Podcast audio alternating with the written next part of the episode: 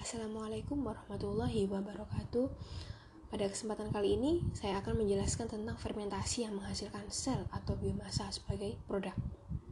Produk biomasa adalah pemanfaatan langsung massa mikroorganisme yang telah ditumbuhkan. Biomasa yang telah diproduksi secara komersial dalam skala industri antara lain satu single cell protein atau protein sel tunggal, yang kedua probiotik dan yang ketiga bakery. Dalam fermentasi untuk menghasilkan produk dikenal istilah satu Produk biomasa mikrobial atau PMB atau Biomass Microbial Product atau BMP adalah bila mikroba yang digunakan tetap berada dan tercampur dengan massa substratnya. Produk biomasa mikrobial ini berupa probiotik dan bakery yeast, contohnya yogurt dan tempe. 2. Protein sel tunggal atau single cell protein, yaitu bila mikroba dipisahkan atau dipanen dari masa substratnya. Berikut kita akan membahas masing-masing dari protein sel tunggal, bakery yeast, dan probiotik. Yang pertama yaitu single cell protein atau protein sel tunggal atau PST. PST adalah biomasa mikroorganisme atau ekstrak protein yang berasal dari kultur sel mikroba murni. Alga, kamir, kapang, dan bakteri yang dapat digunakan untuk nutrisi manusia dan pakan hewan. PST meliputi isolat protein sel dan semua komponen sel Produk PST yang akan digunakan harus dilihat nilai gizi dan toksisitasnya. PST mempunyai nilai gizi baik karena tinggi kandungan protein, vitamin, lemak, dan kandungan lengkap asam amino esensialnya. Syarat PST yaitu mikroba PST harus tumbuh cepat dalam media dan tidak patogen atau beracun. Kandungan protein berdasarkan berat keringnya, bakteri sekitar 50 sampai 83%, kemudian fungi 30 sampai 70% dan alga 40 sampai 60%. Keuntungan PST antara lain 1. Produksi PST lebih cepat dan efisien 2. Kandungan protein tinggi dan kandungan lemak yang rendah 3. Produksi PST tidak memerlukan tanah atau tempat yang luas 4 Produksi PST tidak dipengaruhi oleh cuaca di luar dan kondisi fermentasi dapat diatur. 5. Produksi PST memanfaatkan spektrum bahan baku yang luas sebagai sumber karbon, bahkan dapat menggunakan produk limbah. Kelemahan PST antara lain 1. Kandungan asam nukleat PST tinggi yaitu untuk alga 4-6%, bakteri 10-16%, hamir 6-10%, kapang 2,5-6%. Kandungan asam nukleat yang tinggi berbahaya bagi manusia asupan asam nukleat yang berlebihan menyebabkan pengendapan asam urat sehingga menyebabkan gangguan kesehatan seperti asam urat atau pembentukan batu ginjal. 2. Dinding sel mikroba kadang mengandung komponen yang tidak dapat dicerna dan bersifat racun atau menyebabkan alergi. 3. Beberapa mikroba juga menghasilkan toksin yang berbahaya, misalnya aflatoksin dari kapang 4. Mikroba kemungkinan mengabsorpsi komponen beracun seperti logam berat, hidrokarbon rantai tunggal atau bercabang, komponen aromatik polisiklik, dan karsinogenik dari dalam substrat. 4. Fluktuasi harga dan persediaan substrat yang tidak tetap. Biaya penyediaan substrat meliputi 40-50% dari total biaya produksi PST. Keuntungan masing-masing mikroba sebagai PST akan dijelaskan sebagai berikut. Yang pertama, keuntungan bakteri sebagai PST. Satu, dapat tumbuh pada berbagai substrat. Dua, waktu generasi cepat. Tiga, kandungan protein tinggi.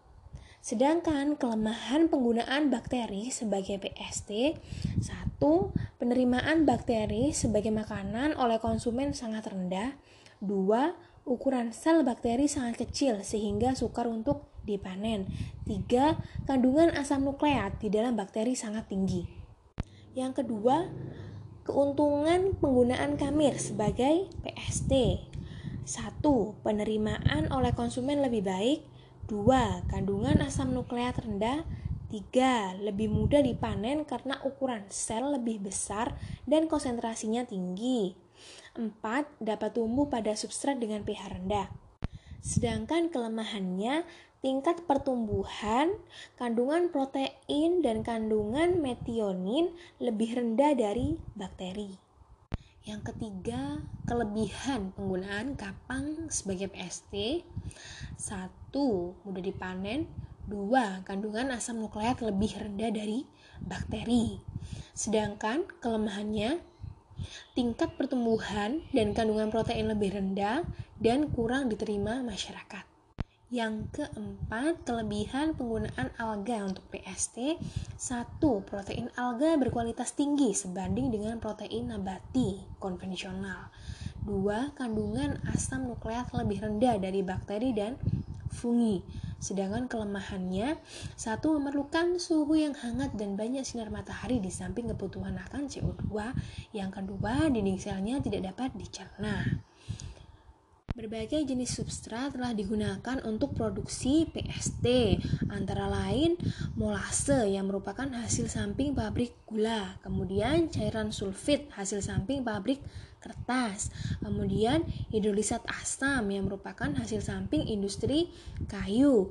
Selain itu, juga digunakan limbah pertanian seperti whey dari pabrik susu atau sisa makanan yang mengandung pati atau ubi-ubian dan juga sereal, kulit buah, dan sari buah.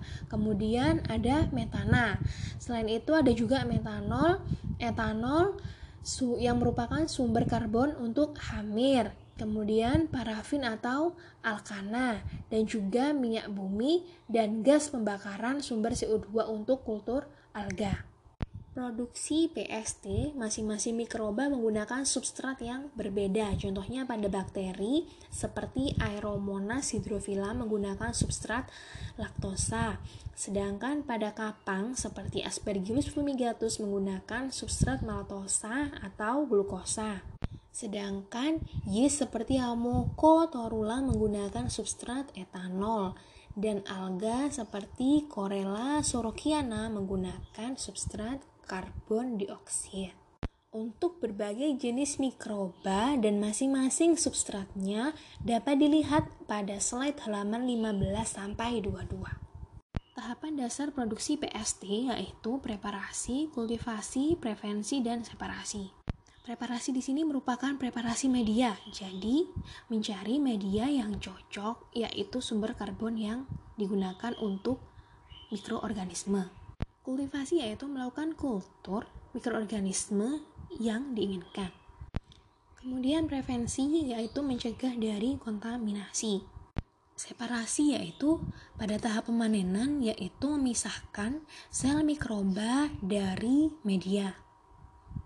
Proses separasi ini bisa dilakukan dengan cara filtrasi kemudian pengeringan. Tahapan produksi PST akan memiliki tahapan yang berbeda apabila dilakukan dengan menggunakan jenis fermentasi yang berbeda.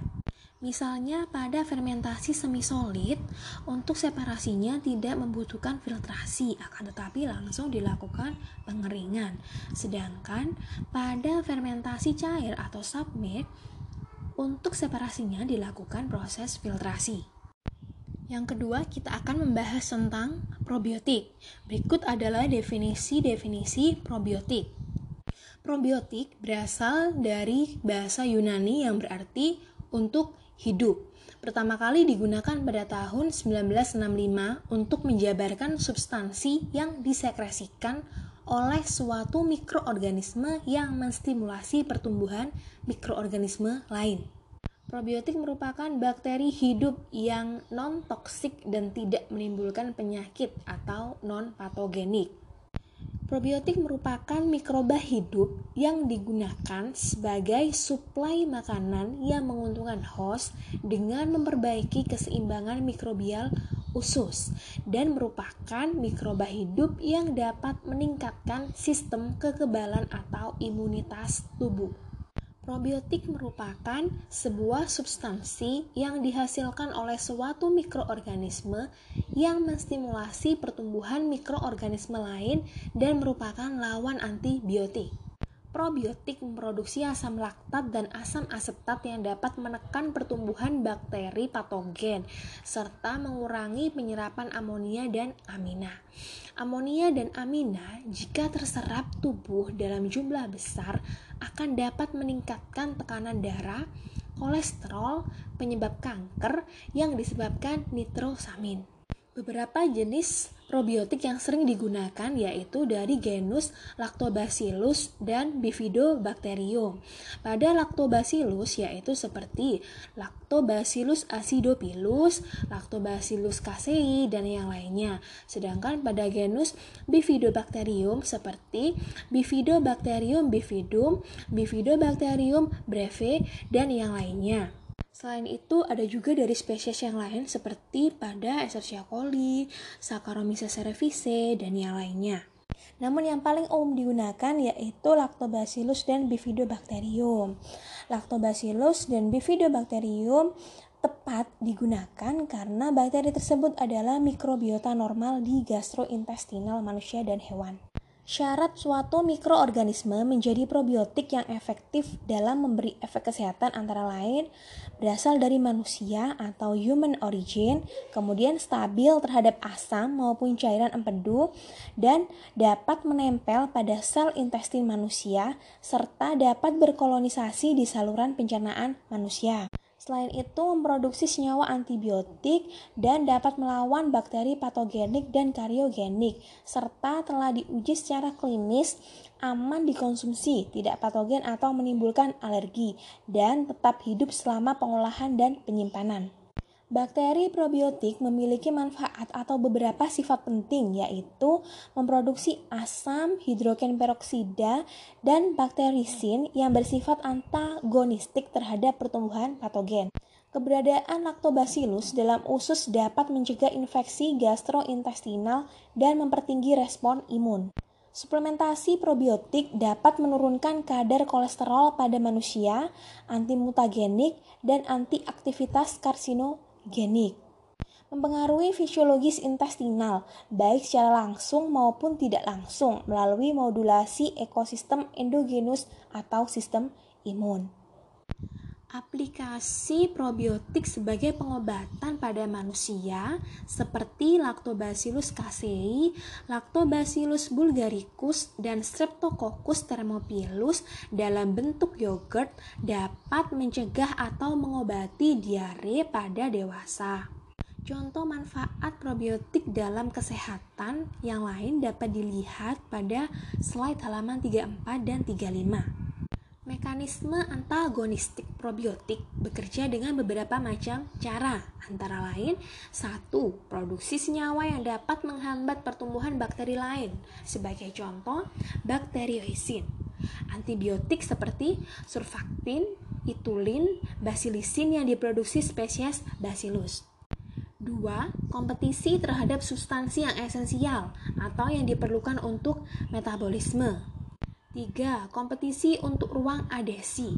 Jadi, semakin awal kolonisasi probiotik potensial di dalam saluran pencernaan, maka semakin bagus. 4. Quorum sensing antar bakteri. Jadi, bakteri dapat berkomunikasi satu sama lain dengan memanfaatkan molekul tertentu yang berperan sebagai sinyal. Bakteri probiotik dapat menghambat quorum sensing dari bakteri pesaingnya dengan memproduksi enzim yang menonaktifkan molekul sinyal. Produk komersial probiotik dapat berupa satu produk makanan dan produk non makanan. Produk makanan juga dibagi menjadi dua jenis. Ada produk olahan susu dan produk bukan olahan susu. Untuk produk olahan susu dan bukan olahan susu dapat berbentuk fermentasi maupun non fermentasi. Sedangkan produk non makanan bisa berupa kapsul, pil, dan tablet.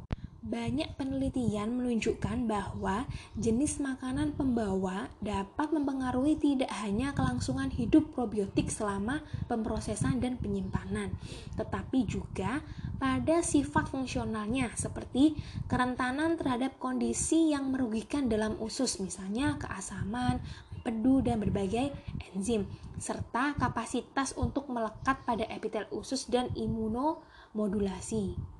Jadi, masing-masing produk probiotik memiliki total waktu penyimpanan atau waktu ketahanan dan viabilitas sel yang berbeda-beda.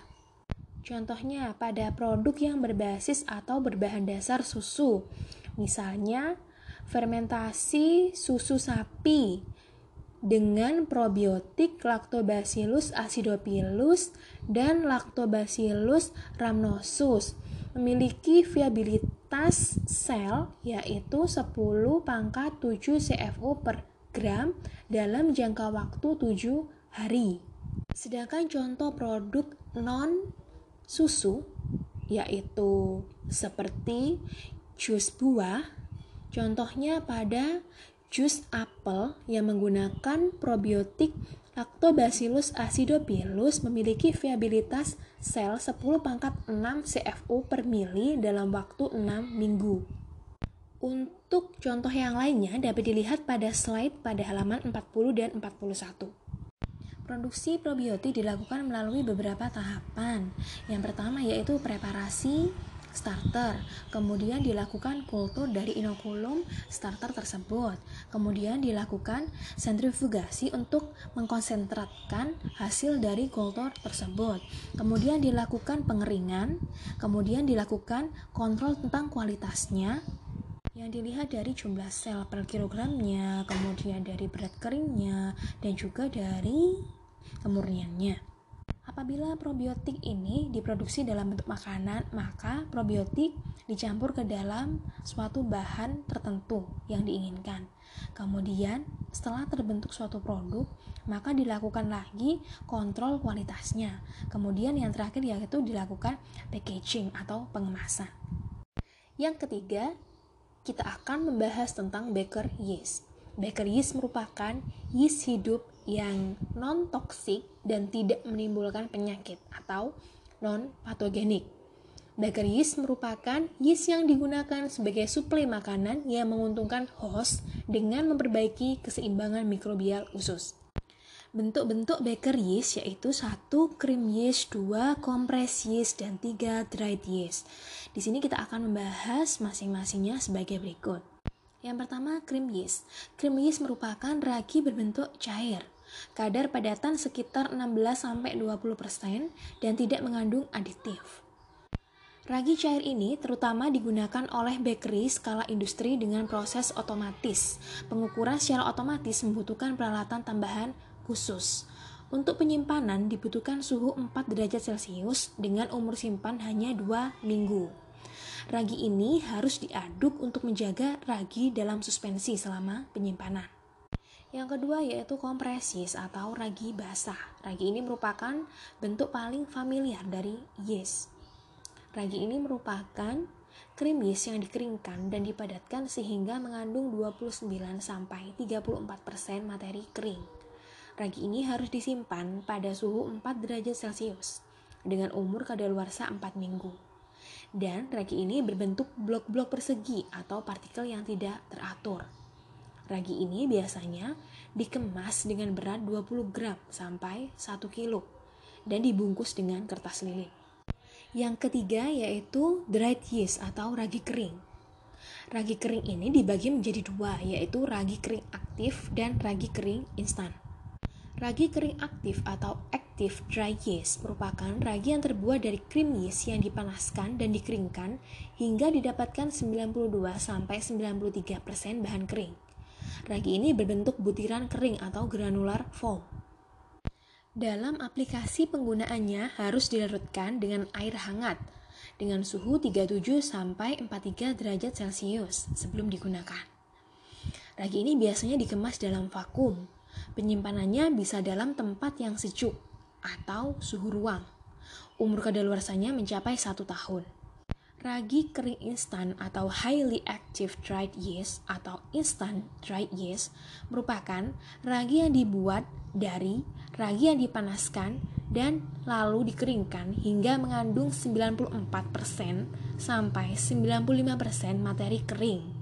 Dengan jumlah seragi 10 pangkat 5 sampai 10 pangkat 7 per gram ragi yang berbentuk vermicelli atau seperti potongan pasta yang sangat pendek yang mendekati butiran kecil yang halus. Untuk aplikasi penggunaannya yaitu tanpa dilarutkan terlebih dahulu dan dapat langsung dicampurkan dalam tepung. Kemudian ragi ini dikemas dalam kemasan tanpa udara atau vacuum pack dan dapat disimpan selama 2 tahun pada suhu ruang. Produk-produk dari bakeries yaitu tape, kombucha, roti, bir atau wine, alkohol, keju, dan kefir. Pada roti, yeast yang digunakan yaitu Saccharomyces cerevisiae. Kegunaannya ini untuk mengembangkan roti. Kandungan gizi produk olahan dari tepung ini unggul dibandingkan dengan nasi dan mie. Bahkan ada jenis roti yang selain kaya serat juga mengandung omega 3. Dalam pembuatan kecap, yeast yang digunakan yaitu Zygosaccharomyces rauxi, Candida versafilis, dan Candida C. Yeast berperan dalam proses fermentasi garam dan pemberian aroma. Pada pembuatan kefir juga dibutuhkan yeast. Kefir dibuat dari susu sapi yang telah dipasteurisasi lalu difermentasi dengan bibit atau biji kefir atau kefir grains. Bakteri dan ragi yang ada dalam kefir secara alami menyatu dan saling menguntungkan atau simbiotik. Yeast yang digunakan untuk fermentasi kefir bermacam-macam, dari genus Candida, genus Saccharomyces, Torulopsis, dan Cluiveromyces. Pada pembuatan kombucha juga diperlukan yeast. Kombucha disebut juga jamur teh atau jamur jipu. Fermentasi teh menggunakan campuran kultur bakteri dan kamir sehingga diperoleh citra rasa asam dan terbentuk lapisan nata. Manfaat kombucha yaitu untuk mengatasi masalah kesehatan seperti darah tinggi atau rematik, kegemukan, migrain, diabetes, dan lainnya. Kandungan mikrobia pada minuman ini mampu menghambat pertumbuhan bakteri patogen seperti Shigella, Sonei, E. coli, dan Salmonella typhi murium. Yeast yang digunakan dalam fermentasi teh atau kombucha ini yaitu Candida fomata, Saccharomyces cerevisiae, Zygosaccharomyces bailey, dan Zygosaccharomyces roxy. Yeast juga dapat digunakan dalam bioterapeutik. Selain berperan dalam produksi makanan yang telah disebutkan tadi, Yeast juga berperan sebagai agen bioterapeutik karena menunjukkan kemampuannya dalam hal terapeutik. Sekarang, yeast telah banyak digunakan dalam pembuatan obat-obatan dalam bentuk kapsul, bubuk, tablet, pil, dan telah dipasarkan pada apotik dan toko-toko obat. Contohnya yaitu Saccharomyces boulardii. Sekian untuk penjelasan fermentasi dalam menghasilkan biomasa kali ini. Terima kasih atas perhatiannya. Wassalamualaikum warahmatullahi wabarakatuh. Untuk produksi baker yeast dilakukan melalui beberapa tahapan. Tahap pertama yaitu preparasi bahan mentah. Tahap yang kedua yaitu produksi dari seed yeast atau untuk inokulum. Kemudian tahap ketiga yaitu proses fermentasi yaitu fermentasi utama untuk menghasilkan sel yeast. Tahap keempat yaitu separasi dan pencucian. Tahap kelima yaitu penyimpanan dan pengemasan. Dan tahap yang terakhir yaitu menghasilkan suatu produk final.